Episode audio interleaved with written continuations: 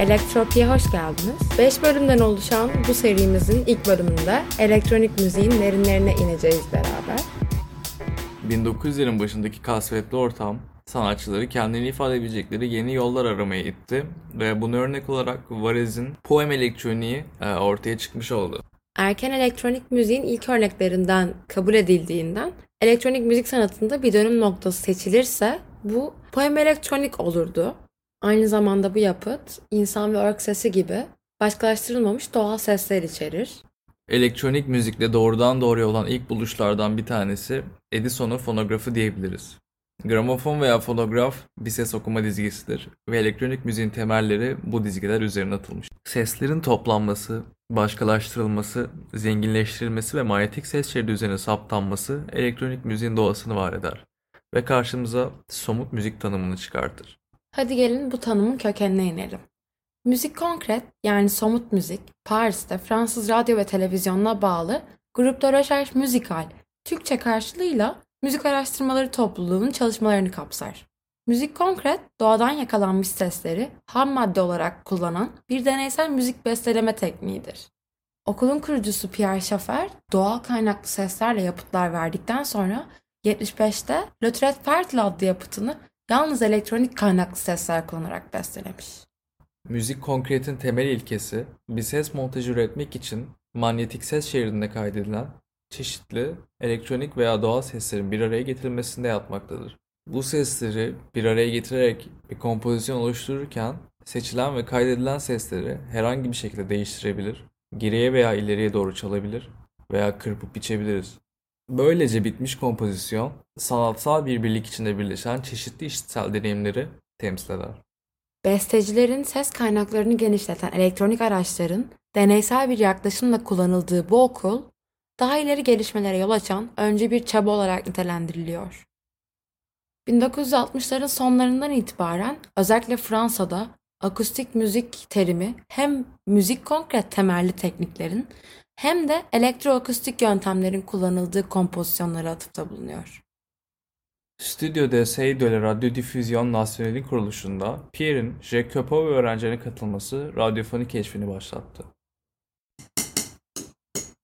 Aslen bu stüdyo Fransız radyosunda direniş hareketinin merkezi olarak görülüyordu ve liberalleşen Paris'in ilk yayınlarından sorumluydu. Schaffer o zamanın ses teknolojilerini kullanarak yaratıcı radyofonik teknikleri denemeye bu stüdyoda başladı. Schaffer'in gürültü senfonisi yaratma girişimini anlatan günlükleri 1952'de A la Recherche d'une musique concrète adı altında toplanarak yayınlandı. Schaffer'e göre enstrümanlar için mesele nereden gelirse gelsin somut sesleri toplayıp potansiyel olarak içerdikleri müzikal değerleri soyutlamaktı. Schaffer'in estetiği, sese dayalı kompozisyon uygulamasında oyunun önemini de vurguladı. Schaffer'in joueur fiilinden gelen jeu kelimesinin kullanımı İngilizce oynamak fiiliyle aynı anlamı taşır. Kişinin çevresiyle etkileşime girerek eğlenmek ve ayrıca bir müzik aleti kullanmak anlamına da gelir. Elektronische müzik, Almanya'nın Köln kentinin VDR radyosunda filizlenen bir beste okuldur. Okulun simgesi sayılan Stockhausen'in Gesang der Jülinge adlı parçası, elektronik kaynaklı seslerle yetinmeyip çocuk sesleri gibi doğal kaynaklı seslere başvurmuş olması aslında müzik konkretle aynı çatı altında buluştuğunu gösterir. Köln'de besteci Herbert Eymert ve fizikçi Werner Meyer Epler tarafından 1949 ve 51 yılları arasında öncülük edilen elektronische müzik yalnızca elektronik olarak üretilen sentetik seslere, özellikle sinüs dalgalarına dayanıyordu ilk başta. Bu durum sonrasında doğal sesleri de kapsayan bir hal aldı. Aynı zamanda bir müzik teorisyeni olan Eymert, kendisine uygun gördüğü genç bestecileri soyut bir şekilde bestelenmiş elektronik müzik ideallerini VDR stüdyolarında gerçekleştirmeye davet etti.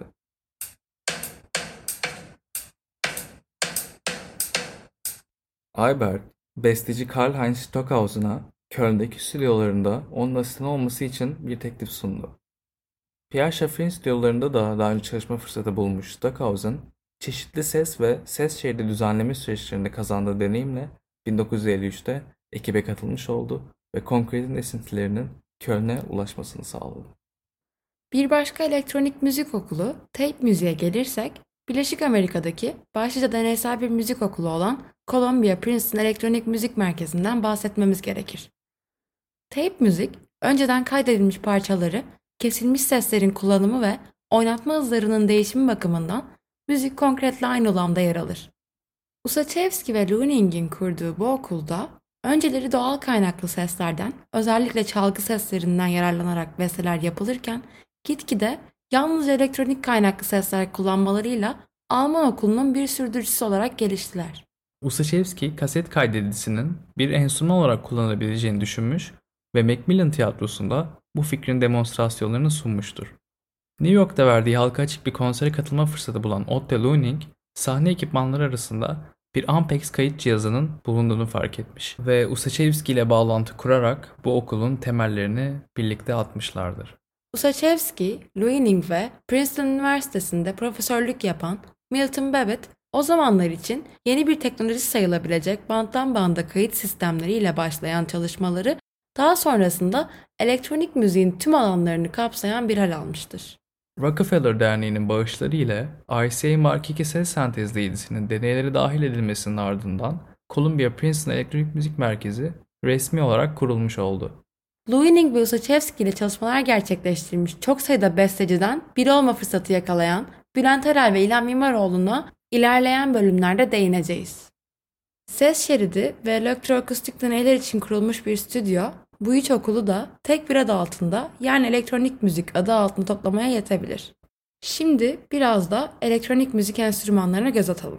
18. yüzyılda müzisyenlerin ve bestecilerin elektriğin yeniliğinden yararlanmak adına bir dizi akustik enstrümanı uyarlamasıyla başlayan gelişmeler ilk elektrikli müzik aleti olarak kabul gören Doni Do klavyesinin icat edilişine yol açtı. Ardından Fransız Jean Baptiste tarafından çağdaş bir uyarı ziline dayanan mekanizmaya sahip Klavekin elektrik enstrümanı icat edildi. Elektrikle aktifleşen, pena çalınan klavyeli bir enstrümandan söz ediyoruz. Günümüzde yaygın olarak kullanılan elektronik enstrümanlardan biri olan ses sentezleyicisinin tesadüfi yaratıcısı Alicia Gray, kuzenini amcasının ekipmanlarıyla oynarken görüp elektroakustik efektleri araştırmaya koyulmuş. Çocuğun pilin bir ucunu kendisine, bir ucunu küvete bağlayıp elini küvetin yüzeyine sürterek işitilebilir bir uğultu çıkarmasından ilham aldığını söyleyen Gray, sesin titreşmesini sağlayan elektromanyetik bir devreden kontrol edebileceği bir osilatör yarattı. Her tuşun kendisiyle ilişkili bir osilatöre sahip olması sentezleyiciyi o zamanlardaki adıyla müzikal telgrafı çok sesli kılıyordu. Alicia Gray müzikal telgrafını kendi ağzından şu kelimelerle ifade etmiş.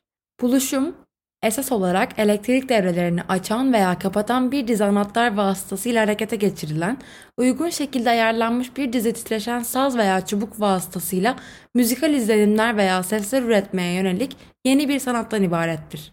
Daha sonralarda elektronik müzik üzerinde derin bir etki yaratan önemli bir buluş 1906'da gelmiştir. Audion, Amerikalı elektrik mühendisi Lee de Forest'ın yaptığı bir elektronik algılayıcı veya yükseltici bir bakım triodu veya tüpüydü. Amplifikasyon yapabilen, yaygın olarak kullanılan ilk elektronik cihaz olduğu için teknoloji tarihinde önemlidir. Audion, elektrik sinyallerinin, radyo yayınının ve elektronik hesaplamanın üretilmesine yol açmıştır. Bahsedeceğimiz elektronik enstrümanlardan bir diğeri ise elektronik ortamda perküsyon ve davul elementleriyle örüntüler oluşturulmasını sağlayan davul makinesi. Bilinen en eski programlanabilir davul makinesi günümüz Türkiye topraklarında hayatını sürdürmüş El Cezeri tarafından icat edilmiştir. 1206 tarihli Olağanüstü Mekanik Araçların Bilgisi adlı kitabında El Cezeri, mandalların vurmalı çalgıyı çalıştıran küçük kollara çarptığı programlanabilir bir müzikal makinenin tasarımlarına yer vermiştir. İlk ticari davul makinesi ise Wurlitzer tarafından geliştirilen Sideman'dir. Müzik kutusuna benzer bir çalışma prensibine sahip Sideman, içinde yer alan döner bir disk sayesinde mekanik olarak ses üretebiliyor. Üzerinde bulunan bir kaydıraç sistemi ile temponun kontrol edilmesine bile olanak sağlıyordu. Serimizin ilk bölümünün sonuna gelmiş bulunmaktayız. Bu bölümümüzde elektronik müziği tarih bilimsel açıdan incelemeye çalıştık ve elektronik müzik enstrümanlarına küçük bir göz attık. Dinlediğiniz için teşekkür ediyoruz.